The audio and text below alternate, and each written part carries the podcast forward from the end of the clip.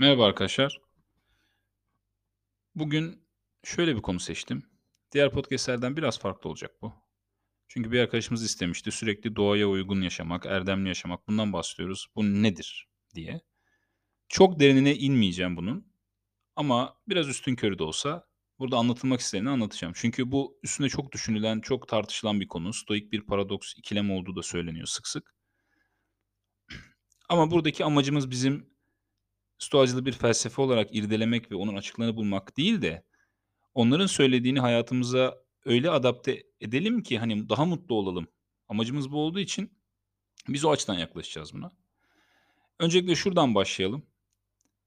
Stoacılığın kökü Sokrates'e dayanıyor. Nasıl dayanıyor? Stoacılığın kurucusu Zeno.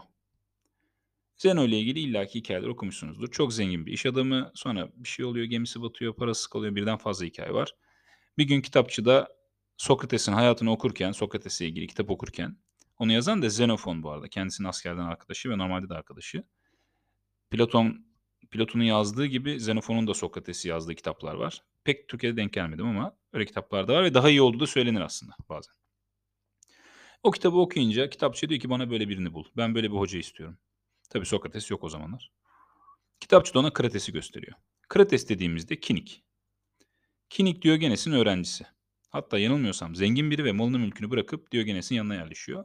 Sonra da ilginç bir şekilde Krates evleniyor ve karısı da aynı hayatı benimsiyor. O da ayrı bir e, Rufus mesela Epiktetos'un hocası bahsederken evlilikten onun örneğinden de bahseder. Dolayısıyla o evliliğin çok destekleyen bir Rufus. Hani görmüyor musun kadın her şeyini bıraktı sevgisi için gibilerinden böyle anlatır. Her neyse Diyogenes dedik. Diyogenes'in öğrencisi Krates. Diyogenes de Antistenes'in öğrencisi. Kendisi de kinizmin kurucusu gibi kabul ediliyor ama Diyogenes'le beraber düşünelim. Antistenes de Sokrates'in öğrencisi.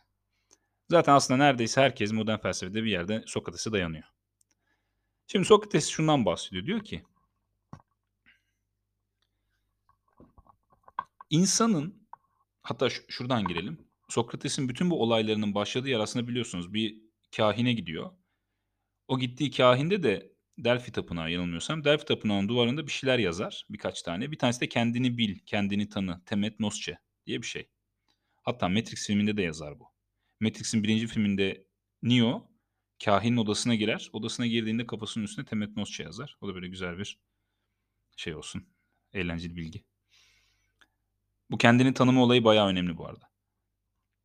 Sokrates de buradan yola çıkıyor. Diyor ki ben insan olarak yani kendini tanı ama Sokrates'i tanı değil. İnsan olarak beni ben yapan şeyler nelerdir? Beni diğer canlılardan ayıran neler var? Hangi özelliklerim var diyor. Yani bu tabii Sokrates'in hayat amacı direkt bu değil de insanların bir şey bilip bilmediğini sorguluyor ama bu aslında temelinde kendini tanı olayın temeli bu. Ve Sokrat'tan geldiği için de stoacılık orada da bu var. Hatta şimdiden ben olayın sonuna birden bağlayayım. Hep söylüyoruz ya podcastlerde. İnsanın elinde olan şey nedir? Davranışlarıdır örneğin. Tabii biz bunu çok genelliyoruz. Aynı zamanda görünümleri algılama gücümüz de var. Yani bir olay olduğunda bunu nasıl yorumlayacağımız bizim kontrolümüzdedir. Çok genel mantıkla insanı diğer canlılardan ayıran şey karar verebilme mekanizmasıdır. Dolayısıyla bizim kontrolümüz altında olan bir şey bu. Ve bu çok önemli. Hani insanı tanı dediğimizde iş buraya geliyor. Şimdi bu bir bilgi değil mi? Yani kendini tanı dediğimizde bir bilgiden bahsediyoruz. Ben şu an kendimi tanıyorum. İnsanı tanıyorum. Diyorum ki benim diğer canlılardan bir farkım var. Benim görünümleri algılama gücüm var. Benim karar verme mekanizmam var. Hayvanların yok. En azından bildiğimiz kadarıyla bizim kadar yok. Dolayısıyla bu bir bilgidir. Şimdi öyle bir şey ki erdemli yaşam dediğimizdeki erdem aslında bilgi. Tam da bu söylediğimiz bilgi işte. Bunu şöyle de baş şöyle de bağlayalım. Ben direkt sona atladım ama daha iyi olacak bence. Stoacılara göre ve aynı zamanda Sokrat'a göre de en büyük amaç erdemli yaşamaktır. Ve erdem en büyük iyidir. Bunun nedeni şu. Hatırlarsanız Stoacılar iyi, kötü ve farksız, önemsiz. Bunu başka kelimelerde kullanılıyor. Daha güzel kelimeler de var yani ama böyle düşünelim. Hatta İngilizcesinde de işte good, bad, indifference derler. Indifferent daha doğrusu. Mesela erdem iyidir. Çünkü hiçbir zaman kötüye kullanılamaz erdem. Sokrat ve Stoacılar böyle düşünüyor. Yani siz, biz öyle düşünmeyebiliriz. O ayrı. Ama Stoacılıktan bahsettiğimiz için. Örneğin zenginlik böyle bir tırnak içinde iyi değildir. Çünkü zenginlik kötüye kullanılabilir. Zenginlikle kötü şeyler yapabilirsiniz. Ama erdemle kötü bir şey yapamazsınız. Çünkü erdem iyi ve kötünün ne olduğunun bilgisidir aslında aynı zamanda da. Yani bilgidir zaten erdem. Biraz önce demiştim ya. E Sokrat ne diyordu hatırlarsak? İyinin ne olduğunu bilen, bunu anlamış olan insan iyi dışında bir şey yapamaz. Dolayısıyla erdem hiçbir zaman kötüye kullanılamayacak bir şeydir. Dolayısıyla en büyük iyidir. Mesela eğitimli bir insan da kötü bir şey yapabilir. O yüzden stoacılara göre eğitim, stoacılara göre eğitim mutlak iyi değildir. Zenginlik mutlak iyi değildir. Bunlar duruma göre avantaj olarak sayılabilir. Yani bunlar hem iyiye kullanılabilir hem kötüye kullanılabilir. E bu sizin kontrolünüzde olan bir şey. Dolayısıyla bunlara iyi ya da kötü demiyoruz. Ama erdem tek iyidir. Ve o yüzden amaç erdemli yaşamaktır. Şimdi aynı zamanda erdemli yaşamak dediğimizde biz doğaya uygun yaşamaktan da bahsediyoruz. Bunu Zeno söylüyor. Doğaya uygun yaşam dediğimiz şey erdemli yaşamdır. Erdem de bu bahsettiğimiz bilgilerdir. Neyin iyi olduğu, neyin kötü olduğu. Hatta çok genel konuşsak Seneca diyordu yanılmıyorsam. Doğaya uygun olan iyi, doğaya uygun olmayan iyi değildir diye. Çok genel tabii tabir. O yüzden bunlar biraz e, ikilem gibi kullanılıyor. Ama burada doğa derken tabii şunu da hatırlatalım. Eski zamanlarda yazılan, kullanılan kelimeleri direkt şimdiye adapte edemiyoruz. Bu bir. İki, antik Yunan'da mesela bazı kelimeler değişik manalara geliyor. Yani o kültürde bir anlamı var ama bizde yok. Dolayısıyla onu açıklamak çok zor oluyor. Yani Sokrates örneğin herkesin işte her canlının kendine has bir özelliği olduğunu, diğerlerinde olmayan bir özelliği olduğunu söylüyor. Buradan benim çıkardığım, okuduklarımdan benim de yorumumu katarak söylediğim şey bu stoacıların kontrol mekanizması. Yani görünümleri algılama ve karar verme mekanizması daha doğrusu. Bunlar birbirine çok denk. O yüzden biri birini birbirinin üstünde değil. Ben böyle düşünüyorum. Ama şunu da söyleyelim. Ha doğa demiştim kelimeler diye. Doğa sadece böyle etrafındaki yeşillik falan değil. Bizim de doğamız aynı zamanda. Şimdi buradan Markus'a gelelim. Biliyoruz stoacıların şunu hani nasıl diyelim dindar deniyor aslında ama biraz önce söylediğim şeyin aynısı. Kelimelerin o zamanki kullanımıyla ya da o kültürde geldiği anlamla bizimki aynı değil yani. Biz din dediğimizde otomatik olarak kafamıza bir yaratıcı geliyor. Yarattığı bir şeyler geliyor. Semavi dinler geliyor çoğunlukla. Ama bu insanların zamanında semavi dini bile yok Sokrat'ın zamanında. Epiktetos'un zamanında falan var tabii. Epiktetos'tan emin değilim. Ama olmalı. Markus zamanında kesin var. Çünkü Hristiyanları, bu arada komik bir şey bu da ek bilgi. Hristiyanları dinsiz diye asıyorlar Antik Roma'da. Böyle de enteresan şeyler var. Hatta bu e, şehit dediğimiz martir kelimesi İngilizce'de o ilk öldürülen adamın adı martir yanılmıyorsam oradan geliyor. Öyle stoacılığın da öyle bir bağı var yani. Markus'un ne kadar barışçıl olsa da onun hocası yanılmıyorsam Rustikus'tu. Asmış yani insanları. Dinsiz diye. O da ayrı bir. Şimdi de tam tersi oluyor dikkat ediyorsanız. Yani dönem çok enteresan. Her neyse biz konumuza dönelim. Şimdi Marcus Aurelius'un söylediklerine dikkat edersek ne diyor? İnsan insan içindir diyor. Ya da Epiktetos ne diyor? Hepimiz Zeus'tan geldik ya da hepimiz Logos'tan geldik. Yani bizim özümüz bir. Biz birbirimize kardeşiz. Hatta bunu doğaya adapte edelim. Biz şimdi mesela Budizm'e yaklaşalım çünkü bu konular benziyor orada. Dalgalara benzetirler. Hepimiz aynı suda farklı dalgalarız. Bazımız daha uzun gidiyor, bazımız daha gür, bazımız daha kısa. Ama aslında özümüz hep su ve biz bir dalgadan diğerine dönüşüyoruz. Sürekli bir değişim hali var. Çünkü stoacılık ve Budizm'de de hayat değiş değişimden ibarettir diye kabul edilir. Şimdi bu doğa örneklerinden bir şey daha verelim. Çok karışık oldu ama bence daha keyifli oluyor. Tek türlü ders gibi oluyor. Hayat değişimdir. Yaşam, pardon hayat değil neydi? Ha unuttum işte. Biraz önce aklımdaydı. Marx'ın öyle bir lafı vardı yaşamsa kanaattir diyordu. Hani sürekli değişimden bahsediyor. Zaten bununla ilgili 20-30 tane alıntı bulabiliriz Marx'un eserinde. Dolayısıyla bu değişim eğer doğalsa o zaman bu bizim için bir sorun olmamalı. Epiktetos'un tırnak içinde çok sert durmasının bazı konularda hani çocuklarıyla ve işiyle ilgili nedeni bu. Ya diyor ki ölüm doğal değil mi kardeşim? O zaman bu kötü olamaz ki diyor. Yani hatta bunu Markus söylüyordu yanılmıyorsam diyordu ki eğer tanrılar varsa yani bir kutsallıktan bahsediyorsak kutsal olan şey benim kötülüğümü nasıl isteyebilir diyor. Burada mantık yok diyor yani. Dolayısıyla kabullenmemiz gereken bazı şeyler var. Bunu ben başka podcastlerde Buda'dan vermiştim örnek olarak. Buda yine tekrar edelim. Beş tane şeyden bahseder. Her insanın yani hiçbir insanın daha doğrusu kaçamayacağı beş şey var. Hızlıca geçelim. Yaşlanmaktan kaçamazsın. Ölümden kaçamazsın. Hastalanmaktan kaçamazsın. Sevdiklerini kaybetmekten kaçamazsın ve yaptıklarının sonucunu yaşarsın diyor. Yani yaptıklarının karma diyelim buna genel olarak çok detay inmeyelim. Dolayısıyla Burada bazı gerçekten kaçamayacağımız, yani başka deyişle doğadan gelen şeyler var. E, doğadan geliyorsa kötü olamaz.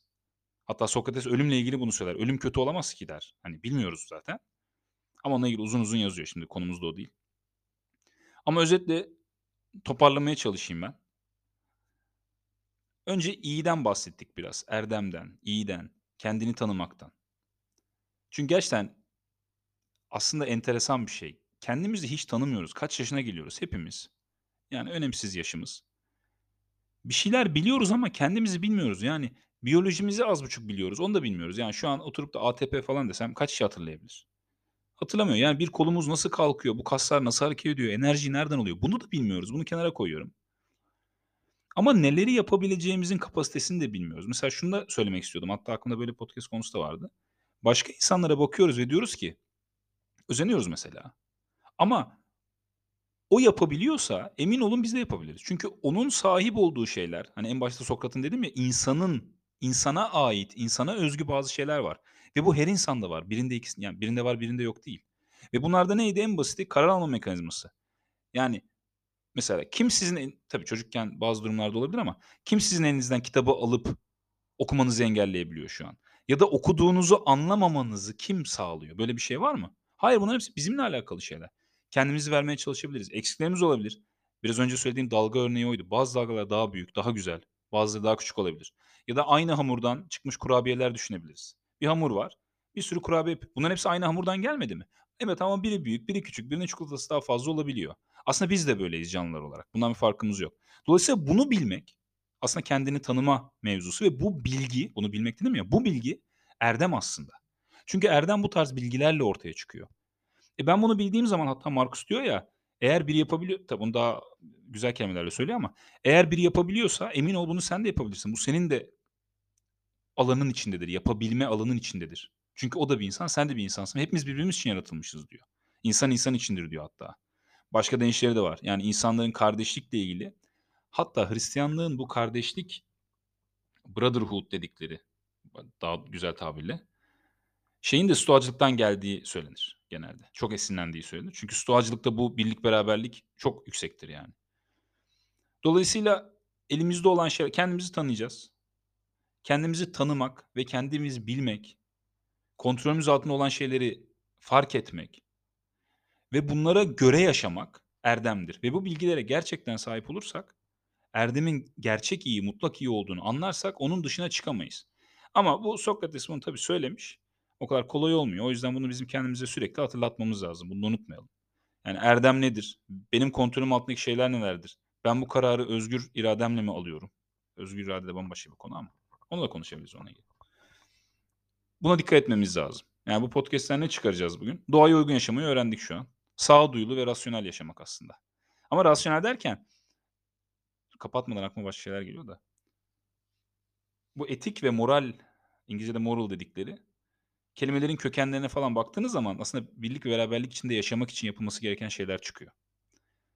Dolayısıyla biz toplumsal canlılarız ya ya da toplumsal bir hayvan diyelim. Bu amaç uğruna yaşamamız ve bunu sürdürebilmemiz gerekiyor. Peki bunu nasıl sürdüreceğiz? Eylemlerimizle. Eylemlerimizin öyle şekillenmesi lazım ki bu devamlılık devam etsin. Yani bu devamlılık sürsün. Öyle diyelim. Hatta Kant'ın bununla ilgili bir şeyi vardı. Şöyle diyormuş aslında bizim atasözümüz gibi kendine yapılmasını istemediğin şeyi başkasına yapmayacaksın. Yani en basit mantık. Ama bir de şöyle düşünebiliriz Kant'ın dediği şu. Benim şu an yapmak istediğim bir şey var. Bir eylem var. Acaba dünyadaki herkes bunu yapsaydı ben nasıl hissederdim? İşte benim aldığım kararlardan sonra pişman olmamam gerekiyor. Yani öyle kararlar almalıyız ki bunları öyle irdelemeliyiz, öyle düşünmeliyiz, öyle kafa yormalıyız ki sonradan bunlardan pişman olmayalım. Ne zaman olmayız pişman? Gerçekten erdemli karar aldıysak. Gerçekten topluluk için mi kendimiz için değil de topluluk için mi karar aldıysak o zaman bundan pişman olmayız. İşte bu doğa konusu biraz açıkçası karışık. Ne kadar iyi anlatabildim emin değilim. Ama bir şeyler anlattığıma inanıyorum. En azından Sokrat'ın kendini tanı mevzusundan bahsetti ki bu çok önemli gerçekten. Ve ben Stoacılığın da ciddi manada Sokrat'tan etkilendiğini düşünüyorum. Onun silsilesine devam eden bir öğreti. Çünkü kinizm çok ağır bir öğretidir. Ondan, yani ondan bahsedecek çok açıkçası o kadar bilgim yok ama şöyle bir örnek vereyim. Anlaş yani öyle bitirelim. Diogenes örneğin bir heybesi var. Bir tane tası var. Öyle yaşıyor. Evi falan yok zaten fıçılarda yatıyor biliyorsunuz. Hani İskender var ya gölge etme başka ihsan istemez diyen insan Diyogenes işte. Büyük İskender gelip Diyogenes diyor ki ne istersen dile benden diyor. O da diyor ki hani bana gölge etme kardeşim. Bir hikaye şöyle anlatılır. Diyogenes avucuyla su içen bir çocuk gördüğünde tasını fırlatmış. Benim buna ihtiyacım yokmuş diye. Yani o kinizm biraz daha böyle. Toplumsal bir yaşam kinizmde açıkçası güç. Ama Diyogenes'in hayatıyla ilgili yazılar okuduğumuzda tabii onun da insanları nasıl aydınlandı, aydınlatmaya çalıştığını görebiliriz. Bir örnek üstünden gitmeyelim. Oradaki örnek hani bunu verme nedenim stoacılarla aralarındaki fark. Stoacılar gayet düzgün hayatlarını yaşıyorlar. Epiktetos'un evi de var, lambası da var ama lüks değil. Çünkü lüks onlara göre doğal değil tırnak içinde. Bu konuyla ilgili bu arada başka podcast'lerde de alakasız yani konulardan konuşurken araya ben bir şeyler sıkıştırmaya çalışacağım. Bu sefer bu podcast buna özgü olsun istedim. Umarım işe yaramıştır. Teşekkür ederim.